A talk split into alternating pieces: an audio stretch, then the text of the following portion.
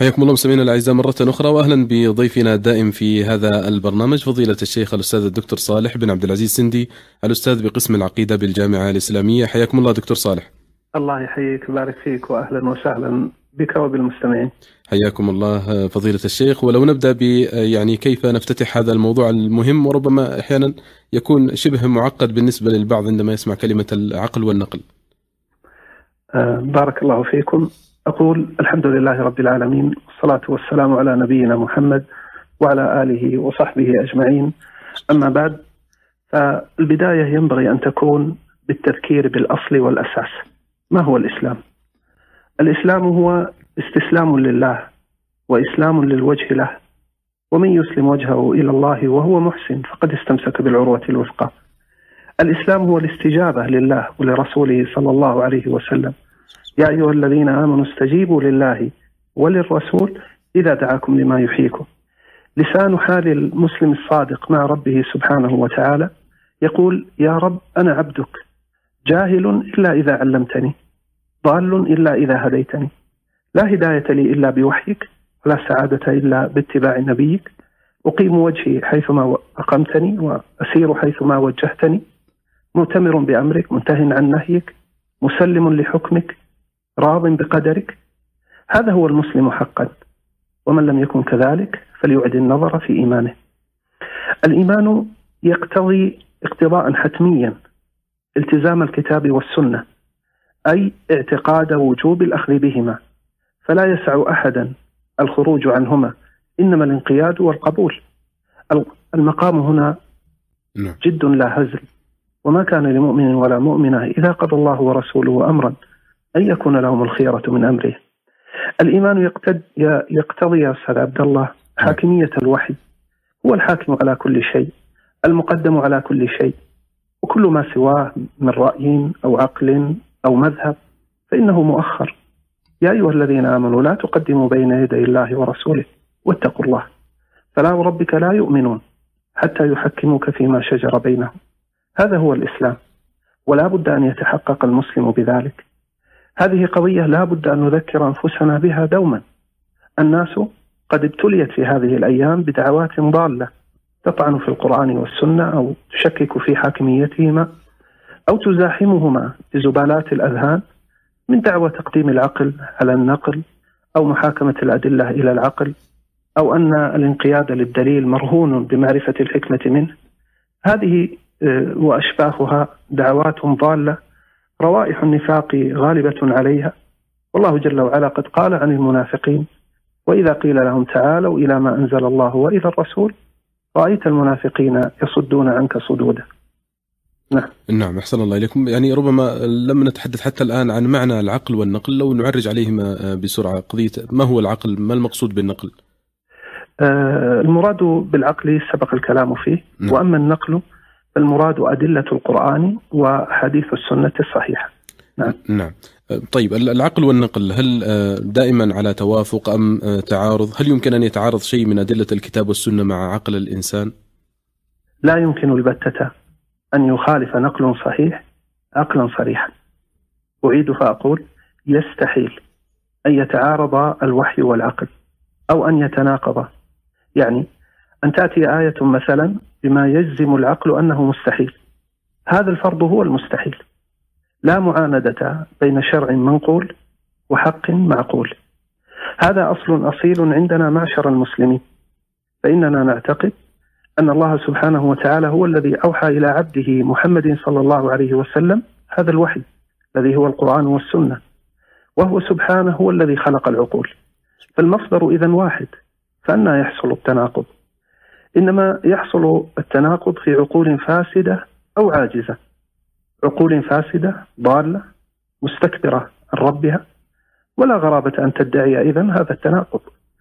أو عقول عاجزة فهي لقصورها تتوهم التناقض والتعارض والواقع خلاف ذلك. نعم. نعم أحسن الله إليكم أيضا آه، من الأسئلة ربما التي آه، تتبادر إلى الذهن إن لم آه، يظن أو يدعي بعض يعني لماذا يدعي أو يظن بعض الناس يعني حصول التعارض بين العقل والنقل يعني ما أسباب ظهور هذا التعارض عند بعض الناس إنه يقول لك والله مثلا القضية الفلانية تتعارض مع العقل الصريح أو الحديث الفلاني يتعارض مع عقل الإنسان نحو ذلك. ما هو السبب؟ جميل. هذا السؤال يا أستاذ عبد الله في الحقيقة سؤال مهم. بالتتبع سلمك الله وجد أن أسباب ظهور هذا التعارض ترجع إلى ثلاثة أسباب. السبب الأول عدم صحة المنقول. وهذا بطبيعة الحال لا يرد على القرآن إنما يختص بما يدعى من تعارض بين العقل وما يروى عن النبي صلى الله عليه وسلم يعني يسمع إنسان حديثا فيه ما يخالف بديهة العقل فيقول حينها انظروا هنا تعارض العقل والنقل لكننا عند التحقق نجد أن الحديث لا يصح عن النبي صلى الله عليه وسلم. هو إما موضوع مكذوب أو ضعيف. فاتضح أنه لا تعارض هنا. النقل ها هنا غير ثابت والتعارض إنما يكون بين ثابتين. مع ملاحظة آه، أن المرجع في تصحيح الأحاديث وتضعيفها ليس إلى أحد الناس إنما هو لأهل العلم المختصين بالحديث كما لا يخفى. ويندرج تحت هذا السبب أيضا. أن ينسب إلى الشرع ما ليس منه. بعض الناس يظن في بعض الإسرائيليات أنها من كلام رسول الله صلى الله عليه وسلم والواقع خلاف ذلك. أو أن ينسب بعض الناس ربما من غير المسلمين تصرفات آه، ضالة لبعض الفرق المبتدعة تنسب إلى الإسلام. ثم يقول هذا انظروا هذا هو الإسلام. ولا شك أن الإسلام من هذا بريء. السبب الثاني عدم صحة ما يدعى أنه معقول. وكم يقع الخطأ في هذا الموضوع؟ يعني يدعي شخص أن العقل يقتضي كذا أو يمنع كذا والصواب خلاف هذا. بمعنى ما سمي عقلا هنا لا يعدو أن يكون قضية نظرية خاطئة سماها صاحبها عقلا. وكان العقل مخطئا إما في التصور وإما في التصديق لأن هناك مقدمات خاطئة لهذا التصور أو ذاك التصديق. تجد مثلا من يقول أدلة وزن الأعمال في الآخرة. هذه قضية تخالف العقل. لماذا؟ قال لأن الأعمال أعراض والأعراض لا توزن. سبحان الله. المخلوق استطاع أن أن أن يزن الأعراض. اليوم هناك من هناك يمكن أن نقيس الحرارة والبرودة أليس كذلك أستاذ عبد الله؟ صحيح. إذا هل يعجز الخالق سبحانه وتعالى عن وزن الأعراض؟ دعني آه، حفظك الله أملح الحلقة حكاية موقف طريف فيه فائدة. نعم. وهو أن أحد أهل العلم الفضلاء أخبرني أنه كان في مجلس فقال شخص آه، أن يكون لجهنم عافانا الله وإياكم منها أن يكون لها نفسان في الشتاء وفي الصيف كما جاء في الحديث الثابت في الصحيحين. هذا أمر مستحيل. كيف يخرج من شيء واحد برد وحر. نعم. آه، يقول محدثي قبل أن أجيب قال أحد الحضور وهو من عامة الناس ليس من العلماء قال وما المشكلة في هذا؟ هذا المكيف. يقول أشار إلى مكيف. قال هذا المكيف يخرج منها هنا هواء باردا ومنها هنا هواء حارا في نفس الوقت. في نفس الوقت. إذا الخطأ في الحكم بأن هذا آه، واجب عقلا أو ممتنع عقلا هذا أمر يقع كثيرا. قد يكون سبب خطأ العقل ولا نزال في السبب الثاني راجعا إلى عدم التفريق بين المحال عقلا والبعيد وقوعا. المحال عقلا مثل أن يكون الشيء موجودا معدوما في الوقت نفسه أو أن يكون الجزء أكبر من الكل نحو هذا. هذا لا يمكن أن يأتي في الشريعة البتة. أما البديع البعيد وقوعا آه، ولكنه ممكن عقلا هذا ليس بمستحيل. لكننا لا نعلم وقوعه أمامنا مثلا. يعني وجود نهر من عسل أو لبن ممكن في نفسه ليس مستحيلا. والذي خلق بحرا من ماء مالح قادر على أن يخلق نهرا من عسل أو لبن مصفى. أليس كذلك؟ صحيح. إذا لا بد من التفريق بين المحال عقلا والبعيد وقوعا. كذلك م. هناك سبب يرجع إلى خطأ العقل وهو عدم التفريق بين محالات العقول ومحارات العقول. يعني أن يظن الإنسان في شيء آه، يتحير فيه العقل أنه ممتنع في العقل وهذا خطأ. العقل سلمك الله غير مؤهل للحكم على كل ما جاء في الشرع أو أن يدركه من جميع الوجوه بل إنه لعجزه سبق الكلام عن عجز العقل قد يقف عاجزا أمام بعض ما جاء فيه في هذه الشريعة وإن كان مع هذا لا يحكم بالامتناع. هذا العجز لا يبيح أن يتطاول على الشرع وإنما أن يسلم بعجز الإنسان ونقصه وأن يوقن بكمال الخالق سبحانه وتعالى إذا أؤكد على ضرورة التفريق. بينما يعلم العقل بطلانه وامتناعه فهذا لا يأتي في الشريعة أبدا. وبينما يعجز العقل عن تصوره ومعرفته أو أن يقصر عن معرفة تفاصيله وهذا يقع في مسائل الغيب في القدر في الصفات الإلهية بل حتى في بعض مسائل الفقه. ولذا قال العلماء الرسل عليهم الصلاة والسلام يخبرون بمحارات العقول لكنهم لا يخبرون بمحالات العقول. نعم. السبب الثالث حفظك الله لظن التعارض بين العقل والنقل. عدم فهم النقل فهما صحيحا. يعني يزعم زاعم أن ثمة تعارضا بين العقل وبين آية أو حديث والسبب أنه ما فهم النص ولا حمله على محمله الصحيح. خذ مثلا ثبت في الصحيحين قوله عليه الصلاة والسلام في حق من نام حتى أصبح وما قام إلى الصلاة بال الشيطان في أذنه. جاء بعض المتعاقلين فقال هذا الحديث يخالف العقل صريحا. نحن لا نجد أثرا لهذا البول. ما يخالف الحس لا شك أنه يخالف العقل. إذا آه هذا العقل هذا الحديث مردود لمخالفته العقل. الخطأ دخل على هذا الإنسان من أي جهة؟ من جهة أنه فهم أن بول الشيطان حسي من جنس بول الآدمي وهذا خطأ لا مرية فيه قياس فاسد. الشيطان بالنسبة لنا غيب وهذا ما لا يخالف فيه حتى من طرح هذا الإشكال.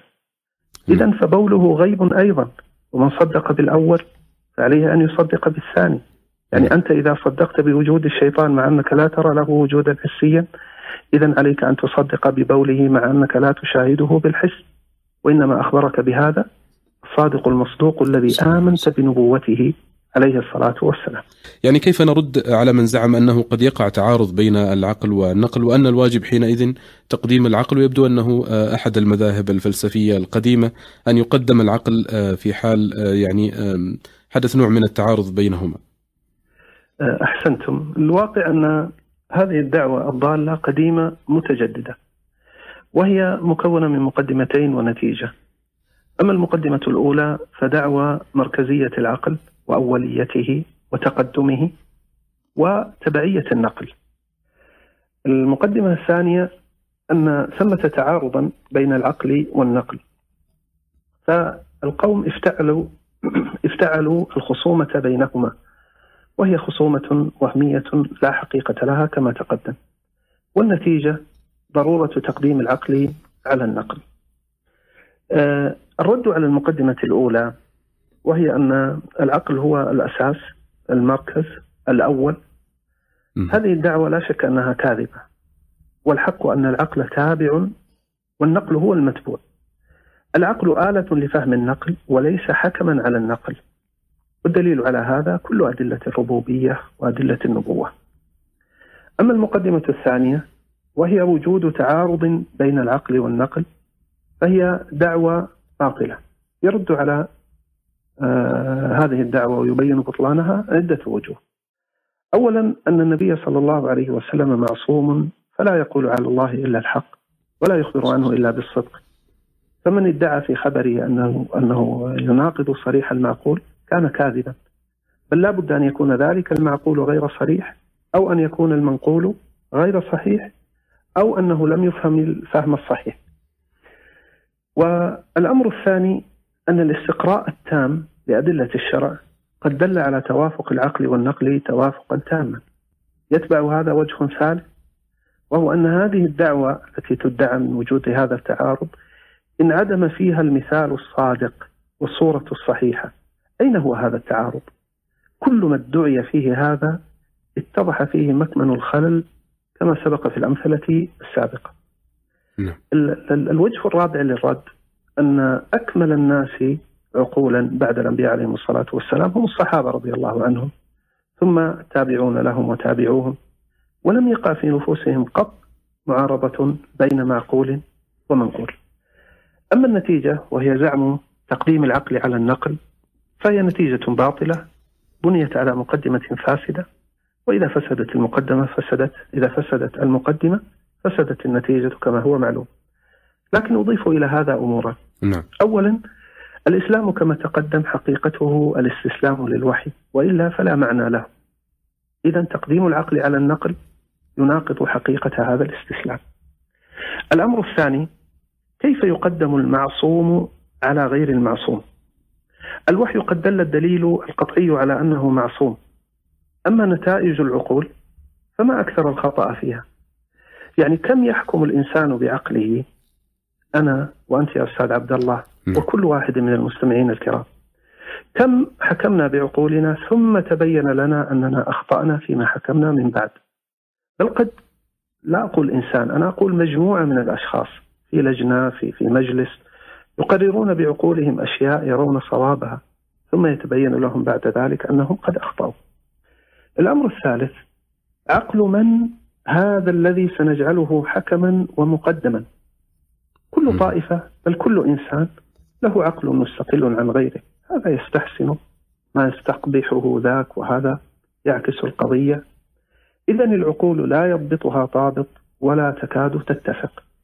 نعم. إذا الخلاصة يا أستاذ عبد الله نعم. أن المنهج الصحيح وأنا يعني آه، أثني على هذا السؤال ب- بقضية مهمة. ما هو المنهج الصحيح عند وقوع شيء من التعارض في نفس الإنسان بين العقل والنقل؟ أنا أقول هذا يتلخص في أمور. أولا أن يتيقن المسلم أنه لا تعارض بين العقل والنقل في حقيقة الحال. اجعل هذه القضية عقيدة راسخة في نفسك. الإشكال يبقى إشكالا وسيزول بعد حين إن شاء الله. الأمر الثاني أن يقصد المسلم الوصول للحق وأن يحقق إيمانه بالله ورسوله صلى الله عليه وسلم. اللهم صل وسلم. وليبشر بعد هذا أنه سيهتدي لوجه الصواب. الله جل وعلا يقول إن الذين لا يؤمنون بآيات الله لا يهديهم الله. مفهوم المخالفة هنا؟ إن الذين يؤمنون بآيات الله يهديهم الله. القاعدة إذن آمن تهتدي.